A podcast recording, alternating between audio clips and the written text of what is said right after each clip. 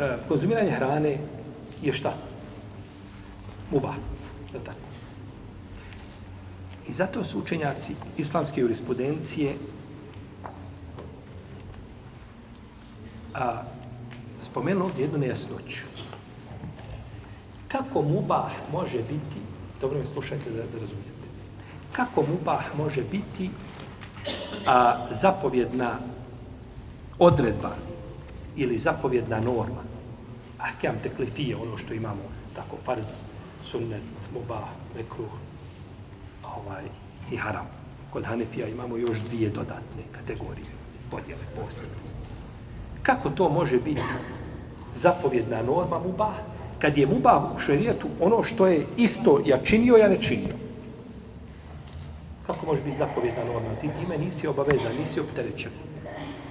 Pa su onda oko toga, znači, dugo raspravljali po, po, po, na koji način to ulazi u zapovjednu normu. Pa su kazali, evo recimo konkretno ovdje jelo. Jelo u osnovi nije, e, ti možeš, koju ćeš vrstu hrane, hrane jest, to ti možeš odabrati. To ćeš hrane se ručati, ne znam, za ručak, koji će biti sandvič ili će biti nešto kuhano. To je tvoje, to da bereš. Tako. Sodno raspoloženju supruge. Međutim, konzumiranje hrane u osnovi je vađib. Je li vađib ili nije vađib? Jeste to, to, to, znači, završetak toga je samoubistvo.